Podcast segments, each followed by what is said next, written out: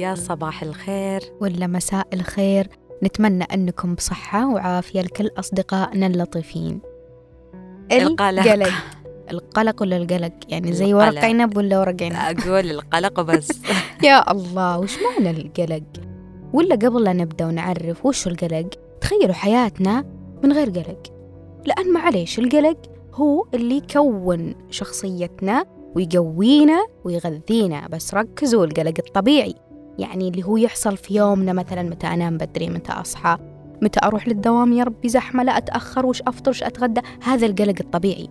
صادقة منى والقلق أساسا تخيلي إنه إحنا بدون قلق. كانت لقينا نايمين بالسرير وساحبين على التسجيل وما جينا. أحيانا الواحد يقلق بشكل منطقي بشكل طبيعي.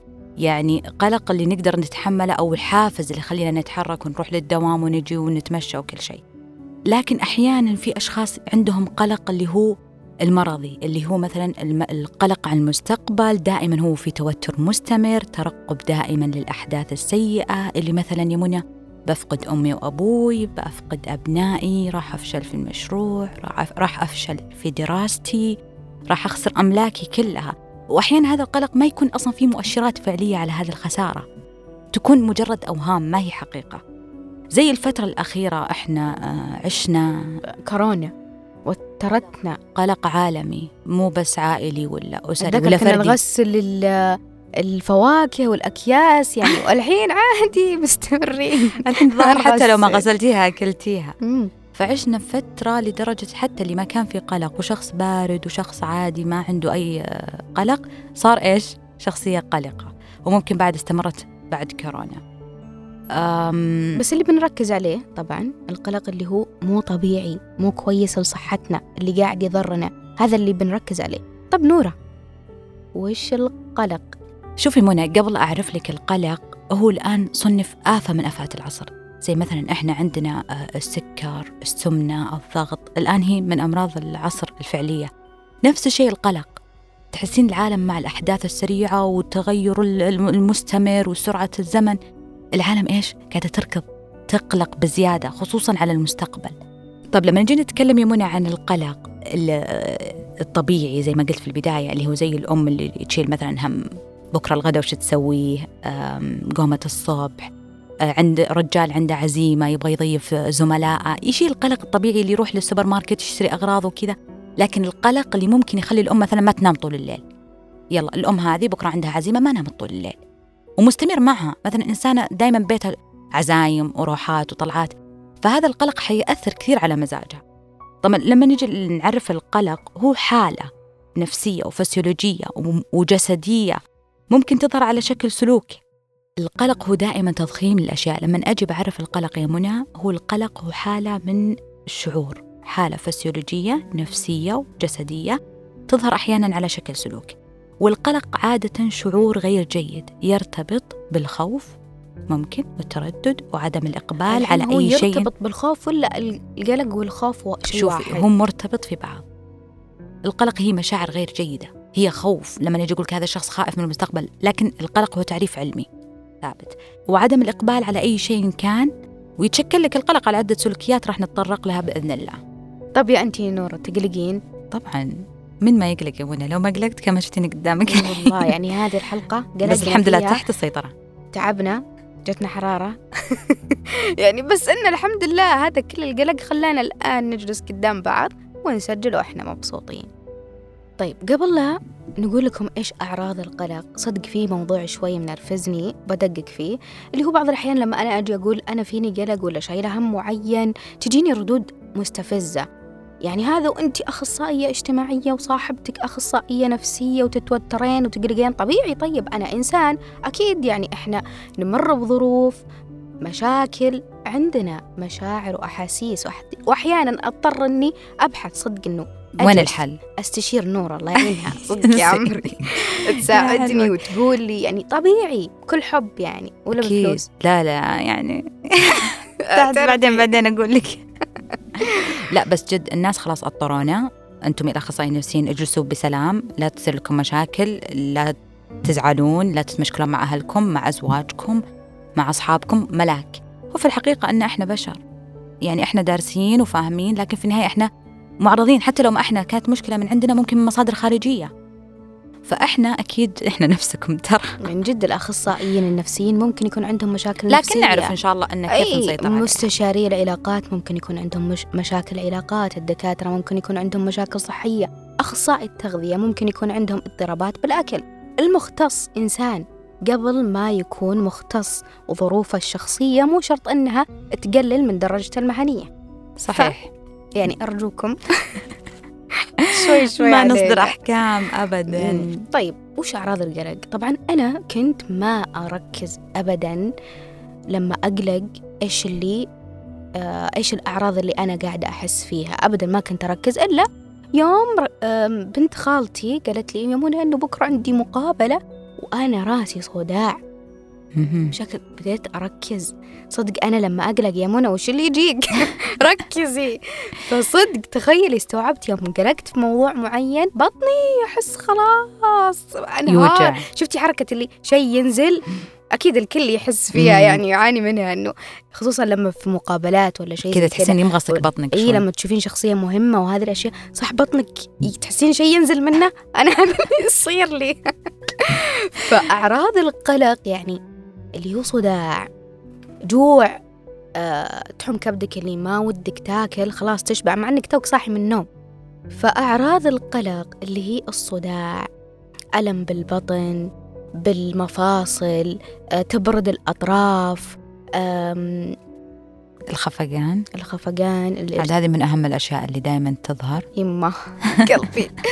فايش بعد؟ والله أشياء تصير لنا يمكن إحنا مو مدققين فيها. إيه، في مثلا في حركة دائما تصير أنا لا ألاحظ نفسي إذا شوي شلت هم أو في شيء مشغلني أتحرك كثير بالغرفة. تشوفين رايح. جاي رايح جاي أو أكلم أحد مثلا في شيء مرة مهم أو شيء شيء له همه. تشوفيني رايحة ماشية رايحة ماشية كذا. يعني الحين لو أحد يجي يقول أعطيني جوالك إيش تسوين؟ تقومين تروحين؟ تجين مع إنه ما في شيء يعني والله ما في شيء. بس إيش اللي تروحين تجين تروحين تجين إيش أسوي يعني؟ صدق هذه من أعراض القلق يعني. طبعا يمونة بالنسبة للقلق له عدة أشكال يعني ما في قلق ثابت زي مثلا المقاييس لما يعملونها في عدة مقاييس عندك قلق الاختبارات قلق العام القلق آه، قلق المستقبل فهذه أشكال القلق. ممكن ترى حتى الخوف من المرتفعات هذا من أحد أشكال القلق وبنا ترى أنت عندك شيء تقلقين منه. خلينا شوي نفضح فيك عند المستمعين. لا حول ولا قوة عندك اللي هو الفوبيا القطط. مرة. تشوفونها مو تقلق يعني لما نجلس بحديقة على أعصابها. يعني بس تنتظر اللحظة اللي بس تجيها وتنط. بس الحين قاعدة أحاول. إي لا لا ما شاء الله عليك. الحين قاعدة هي تدريجي تفك الموضوع بإذن الله. تخف علينا شوي. إن شاء الله. طيب لما نجي نتكلم عن القلق بعطيكم كذا ها شيء من ذكريات الجامعة. آه، طبعا لما كنت بالجامعة كان عندنا مادة المقاييس النفسية. أتذكر وقتها كنا على وشك الاختبارات النهائية. تقريبا كان آخر كلاس. المهم جت واحدة من ال- دكتوراتنا الرئيسية حقت المادة قالت بوزع عليكم المقاييس وحلوها بكل مصداقية. قلت okay عاد ما صدقت على الله. جابت لنا مقياس القلق الخاص بالاختبارات. ووزعت علينا وأنا بكل مصداقية تامة. أنا وقت الاختبارات هنا تنسيني أكون مرة يعني متوترة. المهم وحليت بكل مصداقية جت صحتها قالت وين آه، نورة؟ قلت أنا هنا. قالت سلامات بسم الله عليك. قلت ليش وش فيه قلت ليش القلق عندك مرتفع؟ أوف. إنه طلع تصحيح المقياس إنه مرة مرتفع. قلت والله عاد. جيتينا في الوقت الغلط لو جاية قبل بشهر يعني يمكن الوضع كان أحسن. فصار القلق عندي مرتفع. هنا ممكن يكون موضوع طبيعي لما تجي تعمله بعدين بعد ثلاثة شهور ممكن تشوف أو بعد شهر إذا خلصنا اختبارات ممكن يكون القلق عندي أقل طبيعي. نسبة. مم. ممكن طبيعي ممكن يكون أقل. فهذه أحد المواقف ال- ال- اللي حصلت آه، بالقلق. كان هو قلق الاختبارات. فأشكال القلق كثيرة. عندك اللي هو قلق المستقبل. أنا بقلق من مستقبلي. إيش بيكون؟ وإيش بيصير؟ وأنا ما بيدي أي تحكم أي كنترول فيه. كل شيء مكتوب. أنا أقلق عن الحاضر اللي أنا عايشة فيه. أقلق من وجودي مع أسرتي. أقلق من صديقاتي. أقلق من زملاء العمل. أقلق من مديري. هذه الأشياء الحاضرة أقلق من مثلا آه، يعني مستواي أو إيش ما كان. أما القلق ال- الممكن الشخص اللي يكون فعلا أسير له اللي هو القلق من الماضي الخوف من الماضي أو ال- العيش في الماضي. ممكن هو حياتك كلها مؤشرات جميلة سعيدة حلوة. بس تلقينا قلقان قلقان مثلا من إنه أحد يعرف ماضيه. قلقان منه أحد يشوف إيش كان هو. هو قاعد يتغير بس منسحب للمكان الخطأ بسبب وجود هذا الماضي. اللي هو مسبب له قلق. وعاد يعني أشكال القلق لا تعد ولا تحصى ما ودي شوي حتى في مثلا قلق الانفصال يجي عند الأطفال والأبناء. وأمور أخرى بنتطرق لها إن شاء الله. طيب. نشوف أنواع القلق يعني. أول شيء بقول لكم إياه للأمانة نقطة مهمة وتطمنكم يعني اللي يسمعونا أنه حياتكم كلها مكتوبة وبيد الله. فهذا شيء يخليك مطمن. وأي شيء يصير لك خيرة. طبعا القلق عكس إيش؟ التقبل. طبعا كل حلقاتنا تقبل تقبل خلاص ما نبي نقول تقبل بس لازم نقول تقبل. تقبل إنه تقبل أي شيء يبقى مجهول مجهول. ليش أنا أروح أقلق وأنبش و... وأدور ولا أشياء؟ إذا نبشت ودورت بتطلع لي أشياء تضيق صدري فأنا أتقبل المجهول. طبعا أنواع القلق عندي بسيطة متوسطة عميقة. البسيطة اللي هي يعني الأشخاص الباردين اللي ما يهتمون أبدا أبدا أبدا. يعني أتذكر سالفة تخيل يا نور وتخيلوا اللي يسمعونا كان في عزيمة. وحددوا أنه وقت العزيمة بعد المغرب. بعد المغرب بعد المغرب خلاص. يعني الناس بيجون بعد المغرب مفروض أنه إيش؟ يستعدون يستقبلون الضيوف الضيوف. المهم راحوا الضيوف يرنون الجرس. يرنونه يا عالم يا ناس أين أنتم؟ المهم فتحت لهم العاملة ودخلتهم البيت. الأنوار آه، مو شغالة يعني الضيوف هم اللي شغلوا الأنوار وجلسوا ينتظروا.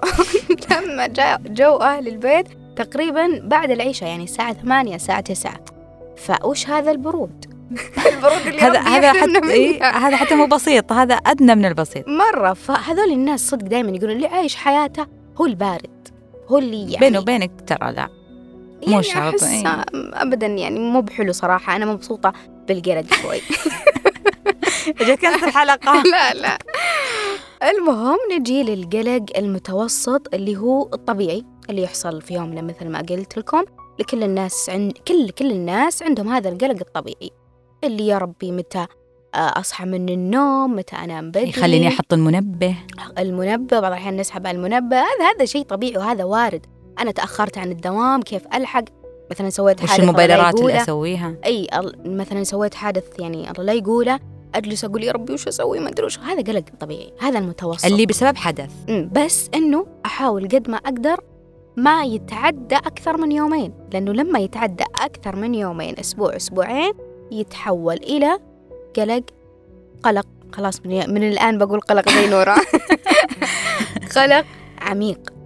العميق كيف أنا أعرف أني أنا في هذا آخر هذا آخر مستويات القلق. آخر أنواع القلق. مم. كيف أعرف؟ لما يشغلني موضوع معين ومدته تزود عن الأربع شهور إلى ستة شهور. هذا لازم تدخل. وهذا القلق هو اللي يتعب هو اللي خلينا نسميه مرضي. بالضبط. طبعا الحين عرفنا إيش الأنواع أنواع القلق. بس القلق ما يجي كذا ما يجي عبث. وراه كم سالفة وراه كم جذر وراه كم, كم قصة وقصة. أيوة بالضبط. لأنه أحيانا الأشخاص أنت أوفر وشو تروحين عشان هل مثلا لما تحكي القصة لأختها السالفة أو شيء من هالقبيل تروحين دكتورة علشان مثلا هل قلق اللي أنت أنت عايش تقرأ قرآنك وسبحي وهل إحنا ندري أن ذكر الله أكيد هو طمأنينة هو راحة هو بلسم. لكن في سبحان الله القلق بيئي نفسي مكتسب. مكتسب ممكن اجتماعي بسبب المواقف والأحداث الاجتماعية اللي تحصل لنا بشكل يومي. وكذلك تغييرات كيميائية في المخ. يعني أحيانا بعض الناس ممكن حتى العلاج المعرفي السلوكي ما يفيد فيها بس تحتاج تدخل دوائي. ليش؟ لأنه القلق في سلوكيات معينة تظهر في أشكال في في اضطرابات مزاجية تصير في القلق في ردات فعل جسدية فأنا كيف أسوي كنترول عليها؟ فأنا هنا مو بس هي بيئية أحيانا إذا كانت والله فوق المتوسط أو المتوسط أقدر بالعلاج المعرفي السلوكي يعني أبدأ فيه بكل جدية أتوجه لأخصائي شاطر وأبدأ أخذ الموضوع بشكل جدي وبإذن الله بلقى نتيجة. لكن في بعض الحالات تاخذ وقتها. طبعا الحين الأشخاص اللي يسمعونا أنا متأكدة مية بالمية طيب كيف إحنا يا منى ونورة نعرف إنه إحنا شخصيات قلقة كيف؟ طيب كيف أنا أعرف؟ أول شيء دائرة القلق دائرة القلق هي دائرة معروفة عند الأخصائيين وأكيد الناس المطلعين شايفينها إيش هي إيش القلق أصلا؟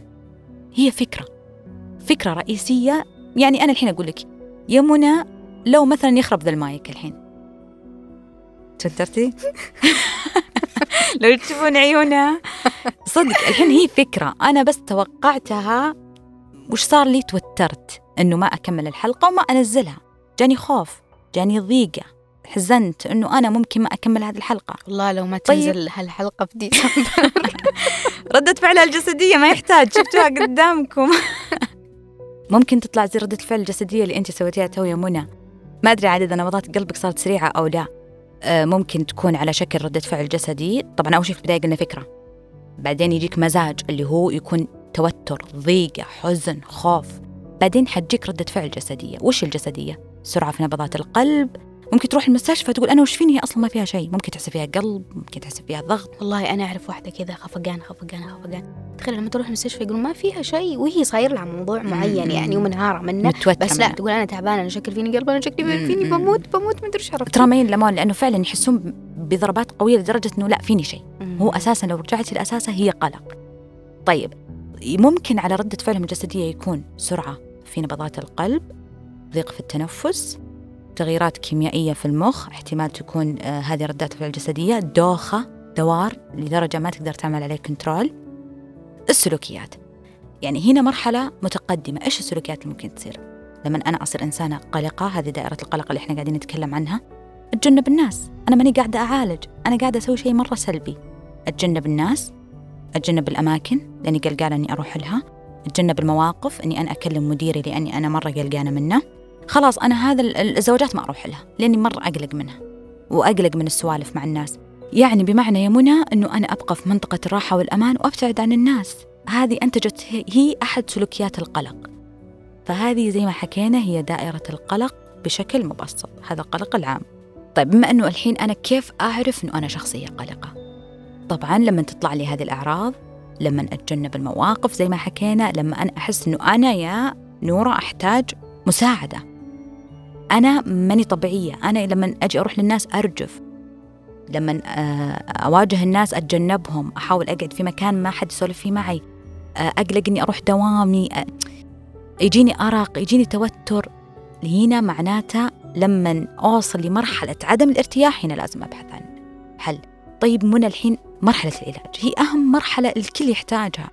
فخلينا نتكلم عنها. أول نقطة اللي هي عرفت إني أنا شخصية قلقة وظهرت علي الأعراض وهذا الأشياء كلها. طيب في كم نقاط معينة أسويها وسهلة جدا الكل يقدر يسويها عشان أتجنب القلق المرضي؟ اللي هي أول نقطة أعترف إني أنا الآن شخصي في قلقانة. القلق. إي قلقانة من موضوع معين.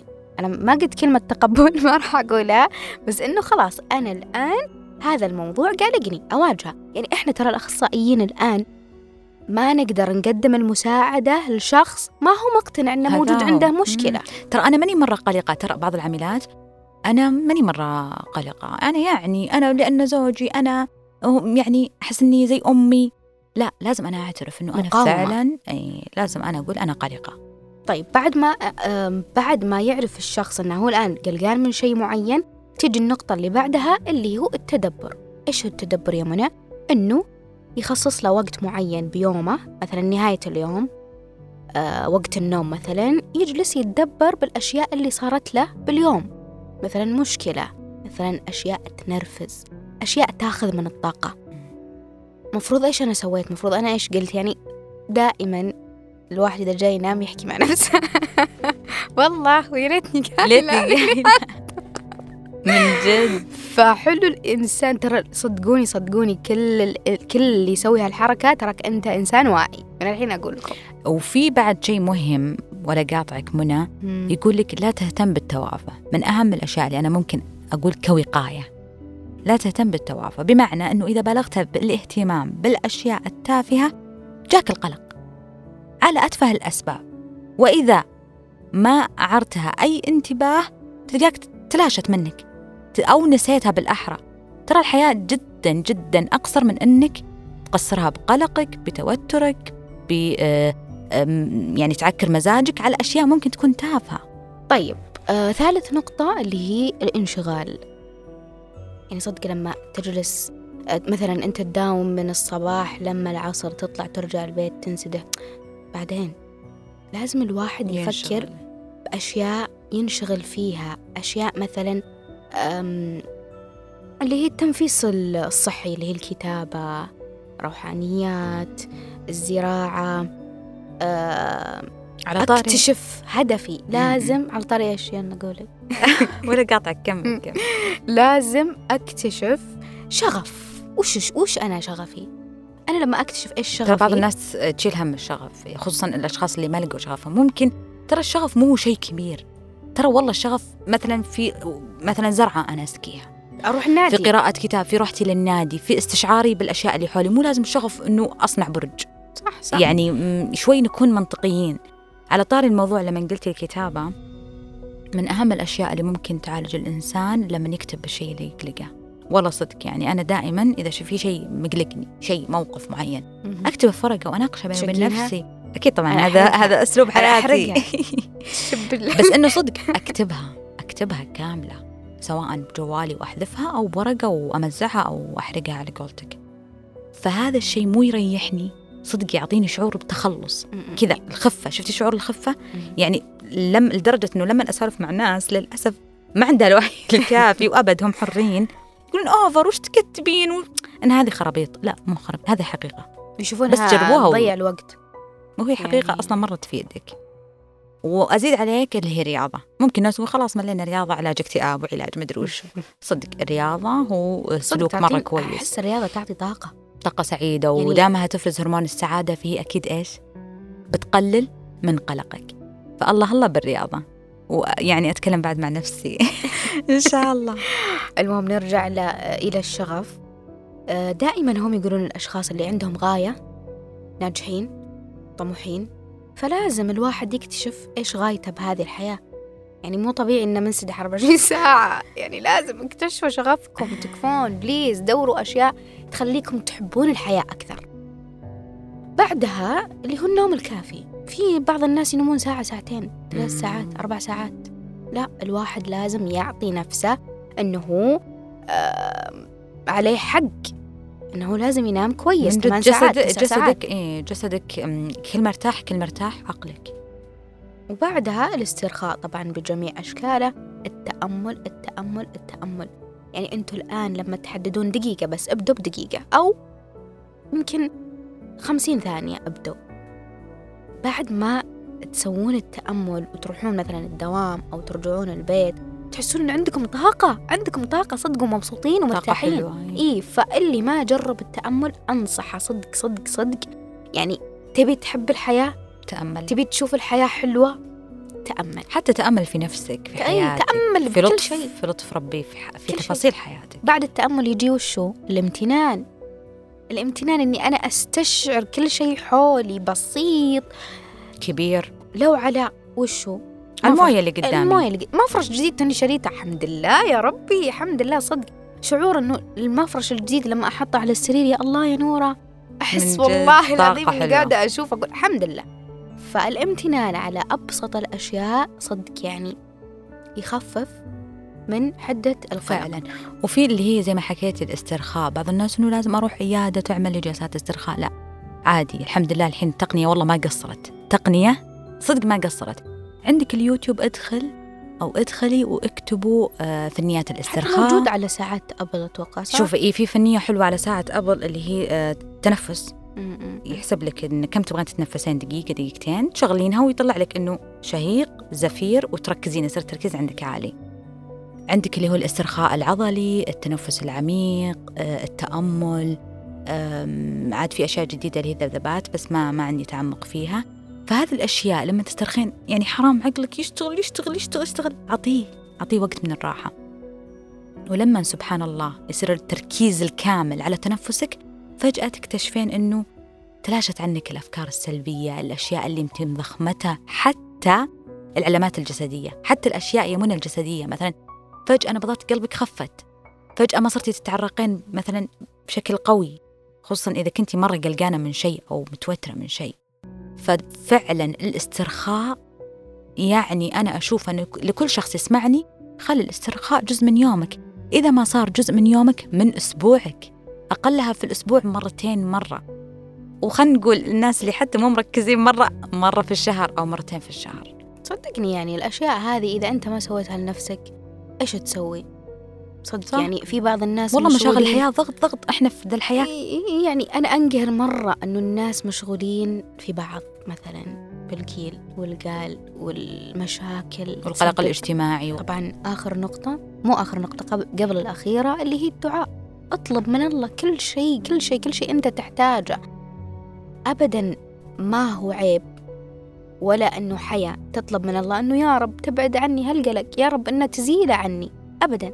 ربي وش يقول يقول ادعوني أستجب لكم فعلا وفي أنت قلتي آه طبعا اللي هو لما تثق بالله تعالى عز وجل وتطلب منه العون وال... وال...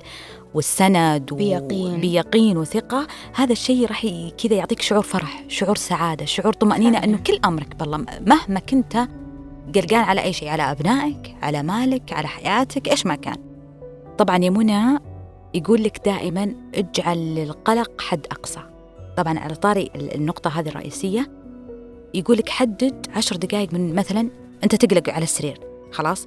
وتقلق وأنت رايح للدوام. أجل القلق. يعني بمعنى أنت في موضوع شاغلك مثلا موضوع آه، مثلا آه، مشروع. خاص قلقان فيه مثلا من خسارة. فأنت بدل ما يتحول هذا القلق إلى قلق سلبي يأثر عليك بالشغل يأثر عليك في حياتك أجله مثلا للمغرب.